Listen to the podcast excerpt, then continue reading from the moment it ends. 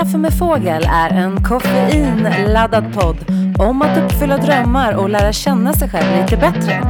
Jag som har den här podden heter Anna Fågel och jobbar som coach, mindfulnessinstruktör, sångerska och producent. Och jag är sjukt nyfiken på hur vi människor fungerar. Hej och välkomna till En kaffe med fågel igen. Ännu ett nytt avsnitt av den här podden med mig, Anna Fågel. Idag kommer jag prata om ett ämne som jag tror många, många är berörda av och det är faktiskt utmattning. Och jag kommer berätta min egen historia om hur det gick till när jag blev sjukskriven för utbrändhet och sen hur jag hittade tillbaka till min inre kraft. För att det är på något sätt tycker jag mycket det det handlar om med utmattning. Att man faktiskt förlorar sin livskraft och glädje och energi. Men innan dess så vill jag också faktiskt, jag har ju inga sponsorer här så jag är, liksom får sponsra mig själv lite grann. Är att eh, jag har eh, startat ett coachingprogram som heter Women in Business. Och det är för dig som identifierar dig som kvinna och vill göra någon typ av förändring i din karriär. Du kanske vill starta eget, du kanske vill utveckla någonting i ditt företag.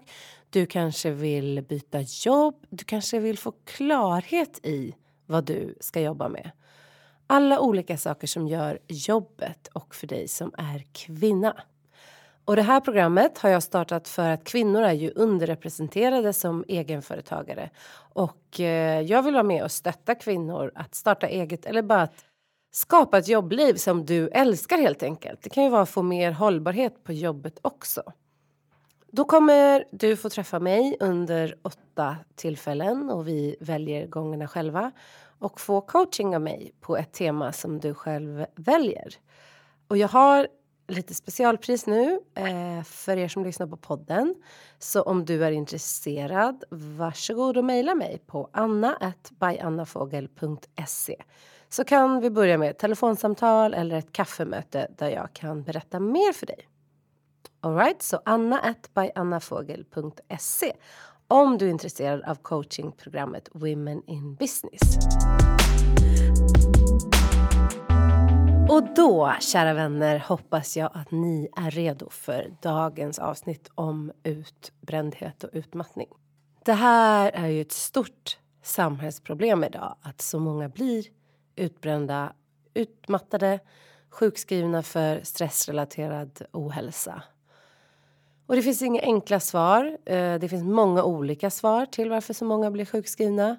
Och jag tänkte berätta det utifrån min historia, varför jag tror att jag just blev drabbad och hur jag har tagit mig tillbaka.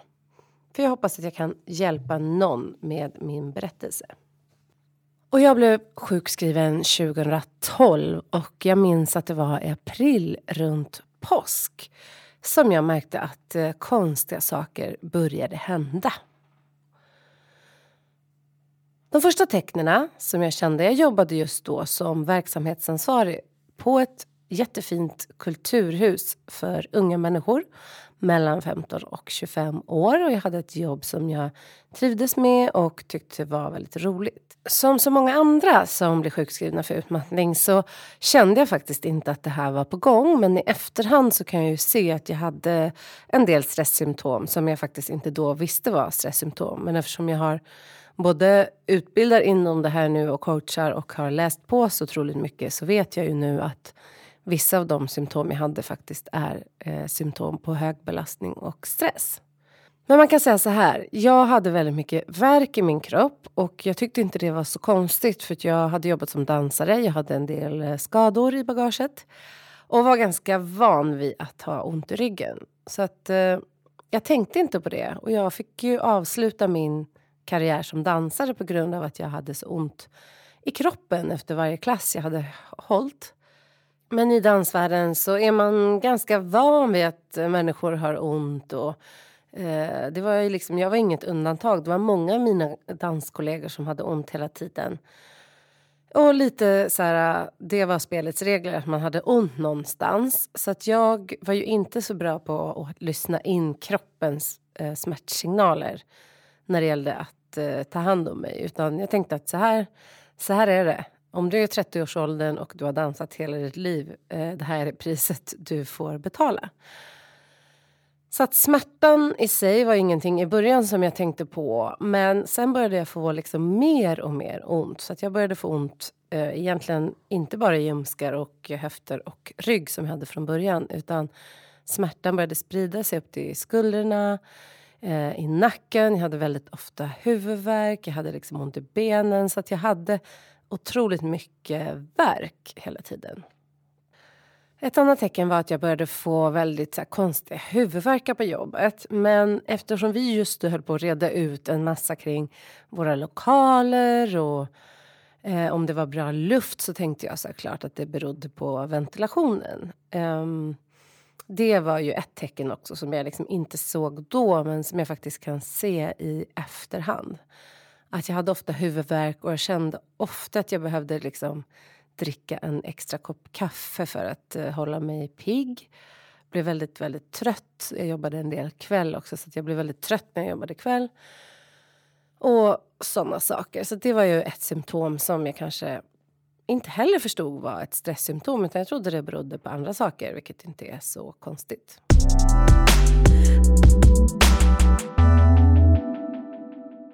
Men när jag började förstå att så här, det här är inte bra, det var att eh, jag satt på ett möte och vi skulle arrangera en festival. Och publika arrangemang, det är någonting jag har alltid älskat att göra. Jag tycker det är så kul att liksom sätta ihop körscheman. Jaha, vilka ska spela?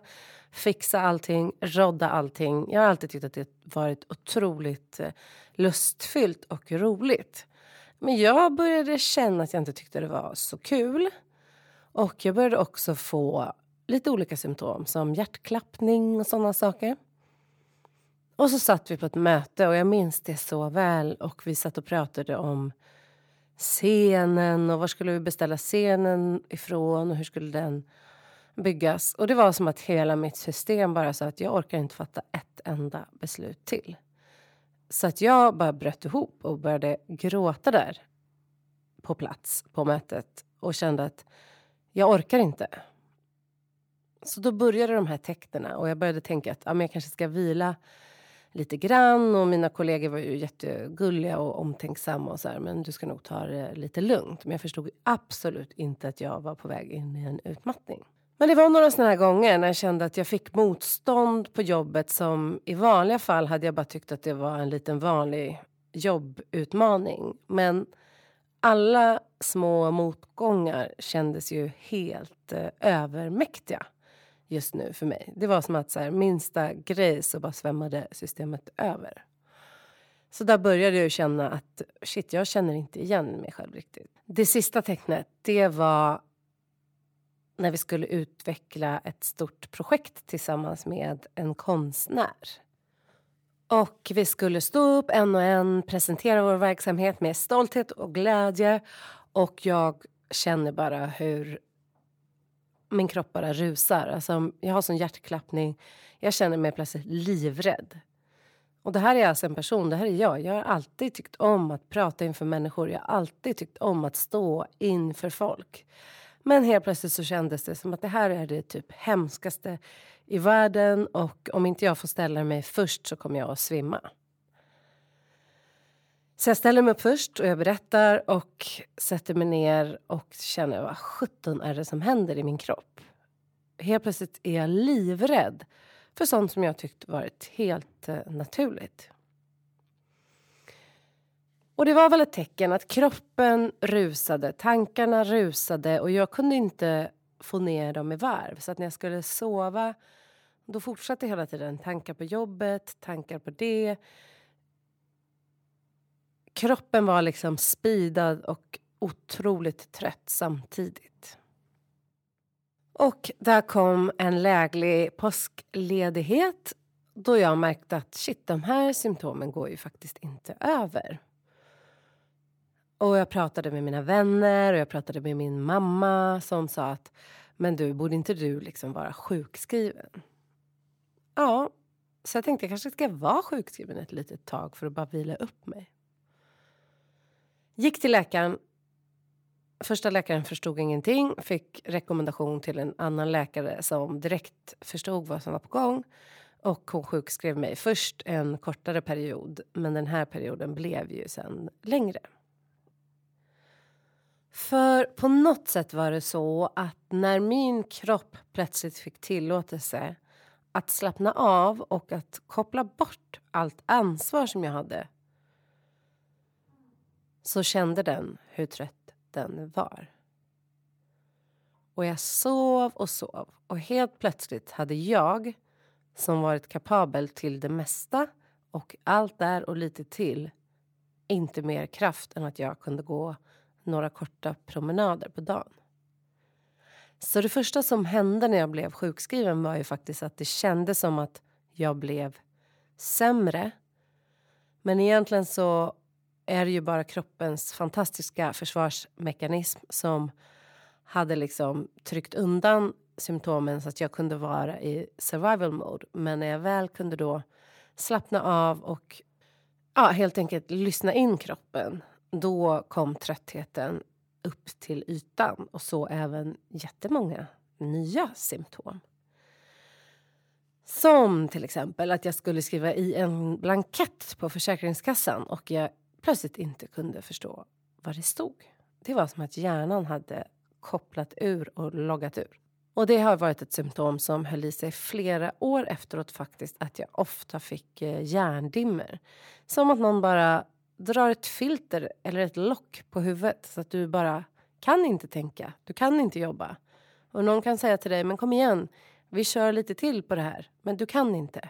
Och det är väl det som är viktigt för omgivningen att förstå. Att när någon är utmattad, eh, det går inte att lägga den där lilla extra växeln som man tidigare haft. Utan systemet säger nej. Systemet stänger ner. Systemet vill inte.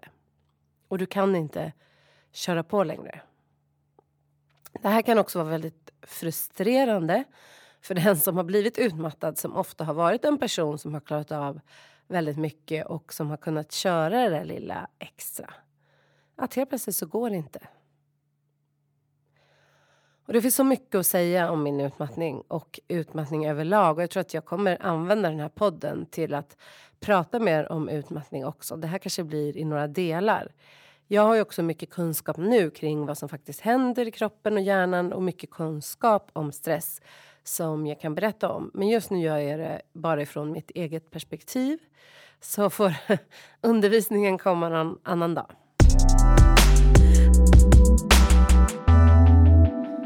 Men jag var sjukskriven ett antal månader och i efterhand så tror jag att jag hade behövt vara sjukskriven mycket, mycket längre. Men jag var sjukskriven ett antal månader, kom tillbaka till jobbet och tog mig igenom dagarna basically. Och det funkade liksom att jobba, men jag kände ingen vidare lust, jag kände ingen glädje, jag hade inte så mycket energi.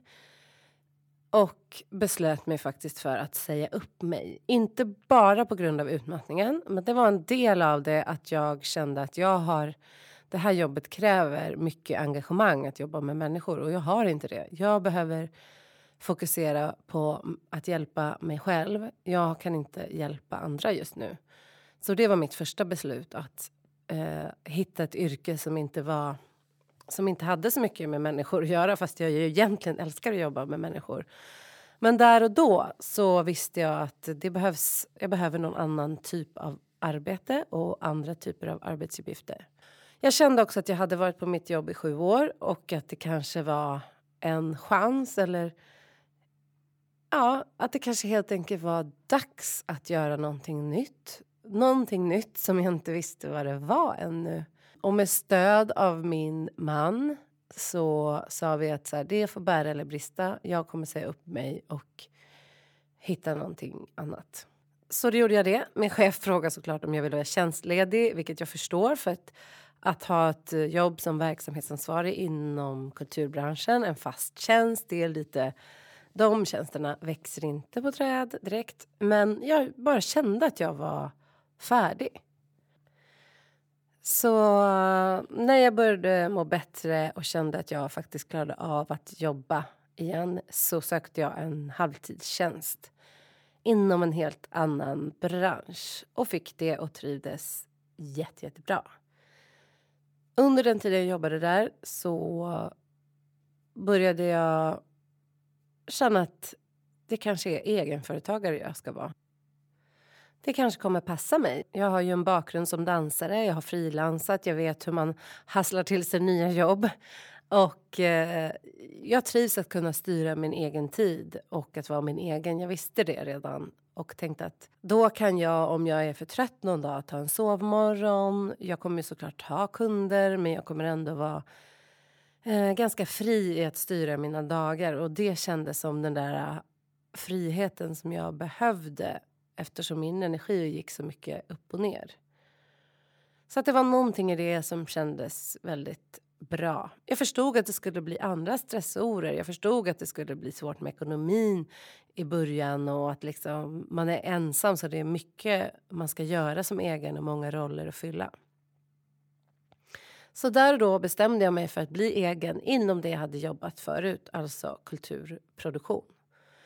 Men jag var också väldigt intresserad av mänsklig utveckling och har alltid varit. Så jag tänkte att jag ska börja öppna den dörren också. Och det var här jag började studera mindfulness, utbilda mig till mindfulnessinstruktör, utbilda mig till coach som jag jobbar som nu. Och det här var ju ingenting, allt det jag berättat om hände ju inte över ett år utan det här är en process som tog flera, flera år.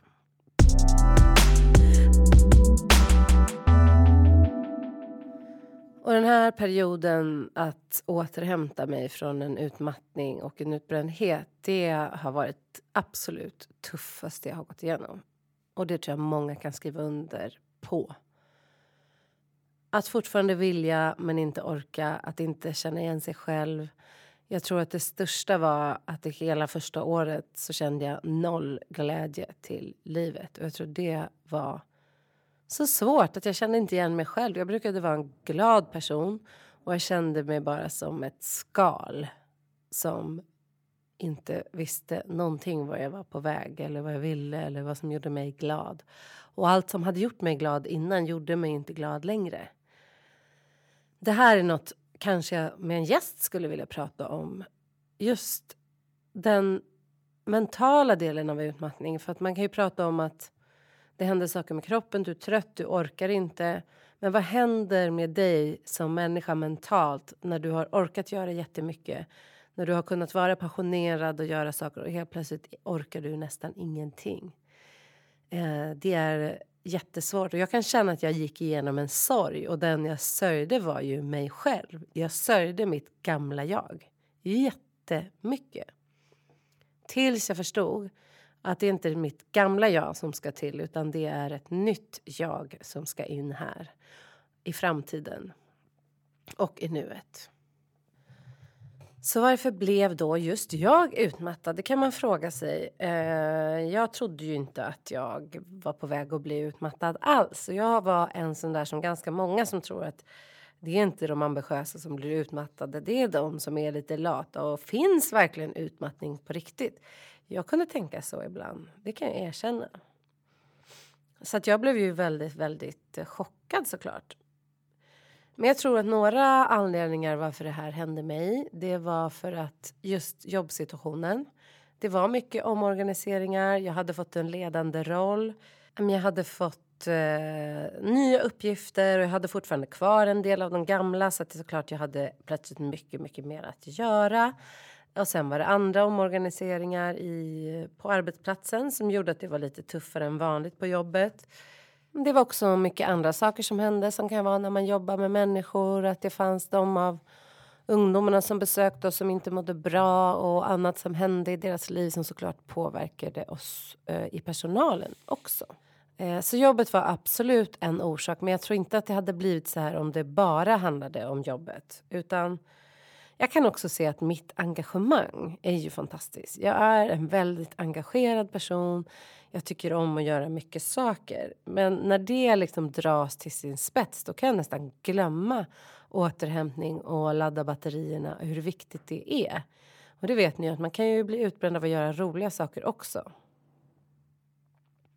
Så det ska jag säga är nummer två.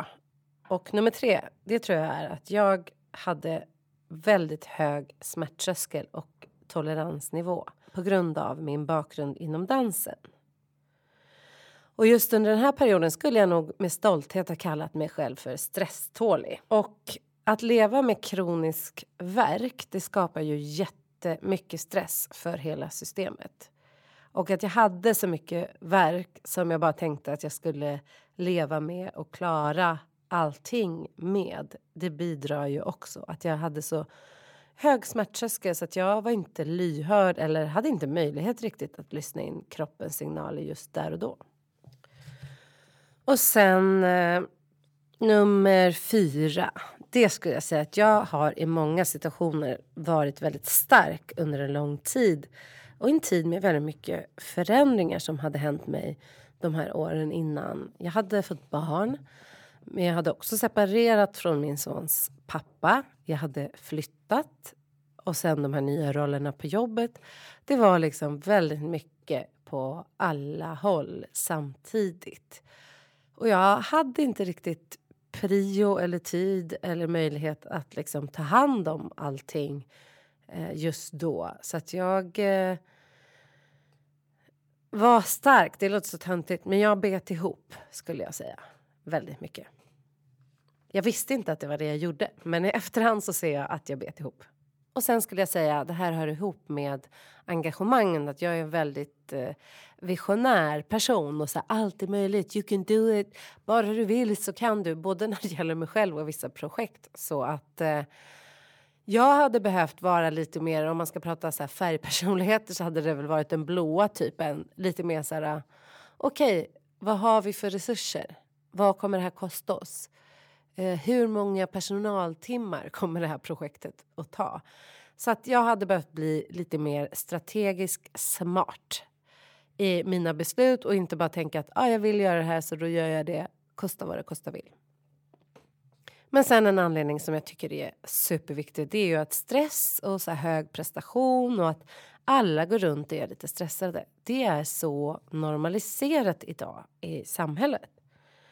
Så det är liksom så många som alltid jäktar, alltid har lite ont, alltid har bråttom, alltid har för mycket på jobbet. Liksom. Lite prestige att jobba över och liksom inte ha tid för återhämtning. Så att om det här är normaltillståndet i ett samhälle så blir det också svårt att se att det är någonting i det här som inte är bra. Och sen varför det hände just när det hände för mig det tycker jag är också lite fint för att det handlar mycket om att jag hade då träffat den man jag just nu är gift med och vi hade flyttat ihop. Och det var som att hela mitt system liksom kände att ah, nu är jag trygg, nu kan jag slappna av. Det här är en människa som kommer stanna oavsett vad. Så det tror jag också var en anledning varför min kropp liksom kraschade just då. Jag tror att den på något sätt kände att det fanns utrymme och möjlighet för det. Och det fanns det, för vi är fortfarande ihop och fortfarande gifta. Så vi tog oss igenom den här krisen tillsammans, vilket jag är oerhört tacksam för.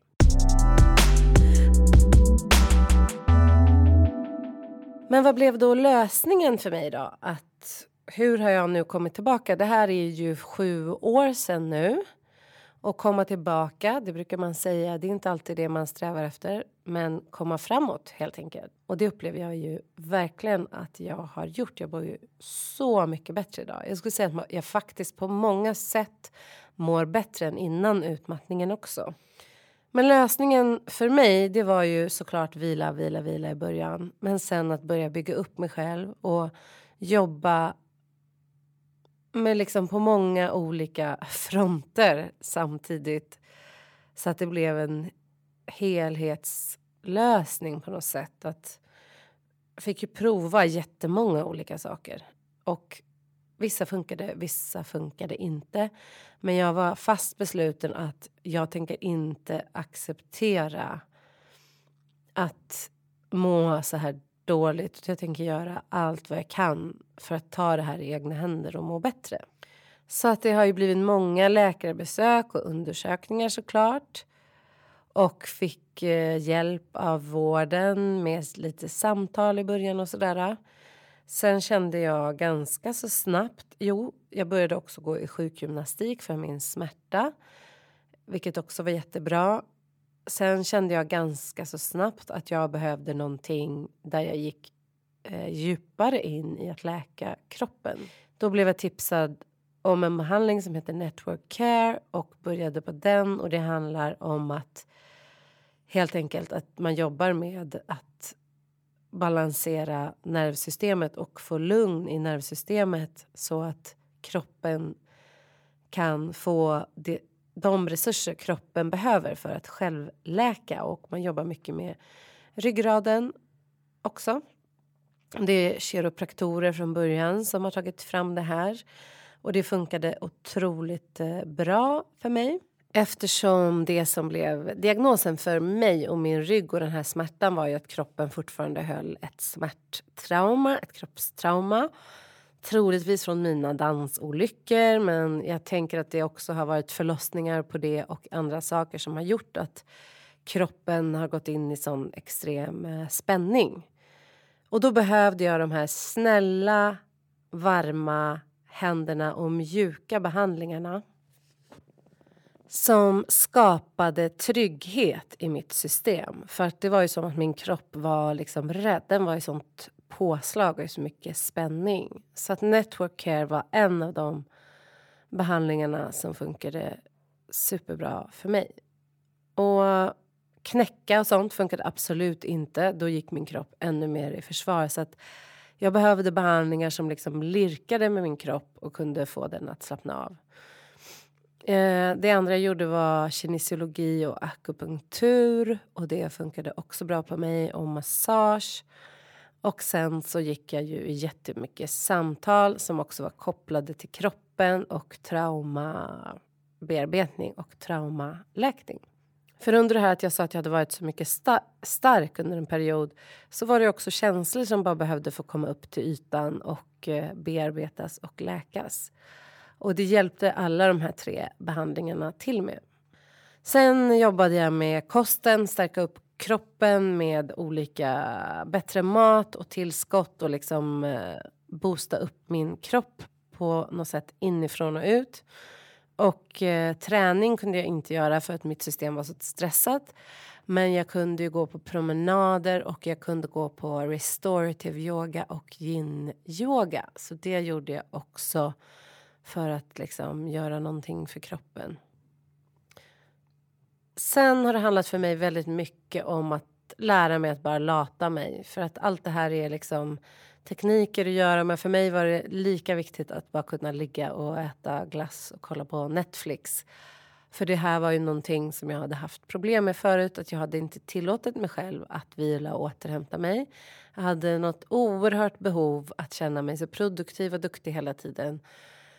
Eh, så att för mig, nu är det liksom... Eh, nu värdesätter jag min återhämtning jättemycket efter min utmattning. Och jag kan lata mig idag och det kunde inte jag förut. En annan jätteviktig komponent för min återhämtning blev meditationen och mindfulness. För att i mitt visionära, engagerade personlighetsdrag, vilket inte är något fel på, det är fantastiskt, men är också mycket framåtrörelse hela tiden. Så att för mig var det väldigt nyttigt att komma tillbaka till nuet. Det var också lite svårt eftersom jag hade smärta så jag ville ju gärna fly ifrån den. Men det här var ju ett mönster som jag hade lagt mig till med att faktiskt fly ifrån det jag tyckte var jobbigt. Vilket också är jättevanligt, det är inget fel med det. Men ibland så behöver vi liksom bara stanna upp och vara med det som är, även om det är lite tufft. Så att mindfulness, att så här, vara med det som är, att lära mig att vara snäll mot mig själv även när det är tufft var superviktigt. Så att det slutade ju med att jag utbildade mig till mindfulnessinstruktör av bara farten. Och mediterar fortfarande varje dag. Det är eh, för mig någonting som skapar lugn i kroppen och som tar mig till nuet. Och jag har ju redan berättat om samtalen, men samtalen har varit superviktiga därför att det har ju om du är en person som alltid tittar framåt så kanske du inte heller är så sugen på att titta bakåt. Eh, men det fick jag göra mycket i samtalen och jag tror det var viktigt för mig att både vara här och nu och att titta lite bakåt. Och det tror jag beror på vad vi är för personlighetstyp. Vissa är ju väldigt mycket bakåt och ältar och ältar och vissa är väldigt mycket framåt. Och jag tror att om du är en person som ältar mycket då kanske du behöver titta framåt och få mer en framåtrörelse. Men för mig som är en person som gärna tittar framåt hela tiden så var det väldigt nyttigt att gå tillbaks lite och prata om mitt liv. Och även om jag haft ett jättebra liv så har jag också saker som behöver bearbetas. Och det var jätteviktigt. Och sen såklart att börja se vad jag hade för mönster, vad jag hade för rädslor kring att till exempel sätta gränser, att sätta mig själv i första rummet. Allt det där har varit ovärderligt att titta på och så försöka träna om vissa av de här mönstren och faktiskt gå emot mina rädslor. Att jag kan säga nej till ett socialt sammanhang. Festen kommer bli jätterolig ändå. Eller ja, allt sånt där. Eller jag kan säga nej i ett jobbsammanhang. Kan sätta en gräns när det börjar bli för mycket. Alltså, gränssättning har varit en stor del av min läkning. Så för att summera ihop allting så har ju det största av läkningen varit att få en ökad självkännedom eh, om mig själv och hur jag fungerar och vad jag mår bra av och att börja lära mig att lyssna på kroppen och hjärnan och alla signaler. Men sen har jag ju också lärt mig mycket om samhället och just utmattning. Det är ju inte någonting som bara handlar om individen utan det handlar ju också om eh, hur vi som samhälle är mot varandra, hur vi behandlar våra medarbetare ja, men hur vi ser på det här med vila och återhämtning i samhället som stort. Och hur vi ser på alla de roller vi förväntas spela, vilka vi förväntas vara, vad vi förväntas ta ansvar för jag har blivit väldigt intresserad av hållbarhet ur ett jämställdhetsperspektiv till exempel. Det är många kvinnor idag som är sjukskrivna för utmattning. Så jag har tittat på mig själv, men jag har också tittat på mig själv utifrån ett system. Kan man säga så? Ja, det kan man. Det var lite om det. Och jag berättar ju inte det här för att jag ska ha en terapisession med er. Utan jag berättar det här för att kanske någon av er kan bli hjälpta av min historia. Jag kanske kommer berätta mer om den sen, men det här var i stora drag min resa från att ha varit utmattad till att hamna i något slags hållbart flow, för det känner jag att jag är idag. Och en stor anledning varför jag faktiskt läkte var ju att jag bestämde mig för att bli egen. Och för det handlade mycket om att jag ville ha makten över mitt liv, över mina beslut, över vad jag skulle lägga tid på och energi på. Och att jag faktiskt idag varje dag älskar att gå till jobbet. Jag gjorde det innan också, men nu är det på ett helt, helt annat sätt. Så det var en jätteviktig nyckel för mitt tillfrisknande. Att tro på mig själv, att se att här, allt det här jag kan, jag kan göra någonting av det. Jag kan skapa en verksamhet av det, jag kan skapa business av det. Och eh, då kommer jag leva ett liv där jag verkligen får använda mina styrkor. Så att, att hitta ett meningsfullt jobb är såklart också jätteviktigt för hälsan. Vi är ändå där åtta timmar per dag, de flesta av oss. Det går att ha ett bra liv ändå, men ju bättre vi kan få det på jobbet eller ändra vårt förhållningssätt till jobbet kan också funka. Jag vill gärna höra era tankar om utmattning. Är det någon av er som har varit drabbade? Vad har varit era symptom? Vad skulle ni vilja att jag pratade om på det här temat? Jag kan göra fler avsnitt på det här temat. Dela gärna med er på olika sätt. Jag finns ju mest på Instagram, men ni kan även skriva mejl till mig om ni vill dela någonting.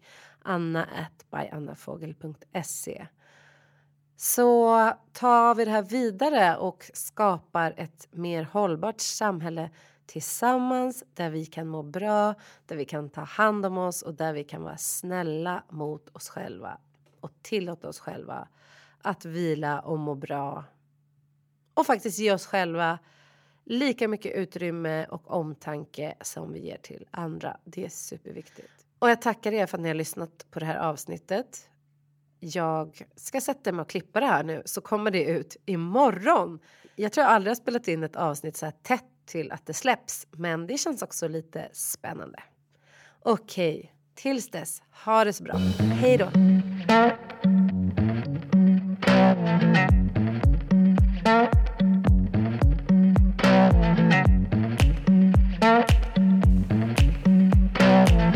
En kaffe med fågel är inspelad, klippt och producerad av mig, Anna Fågel.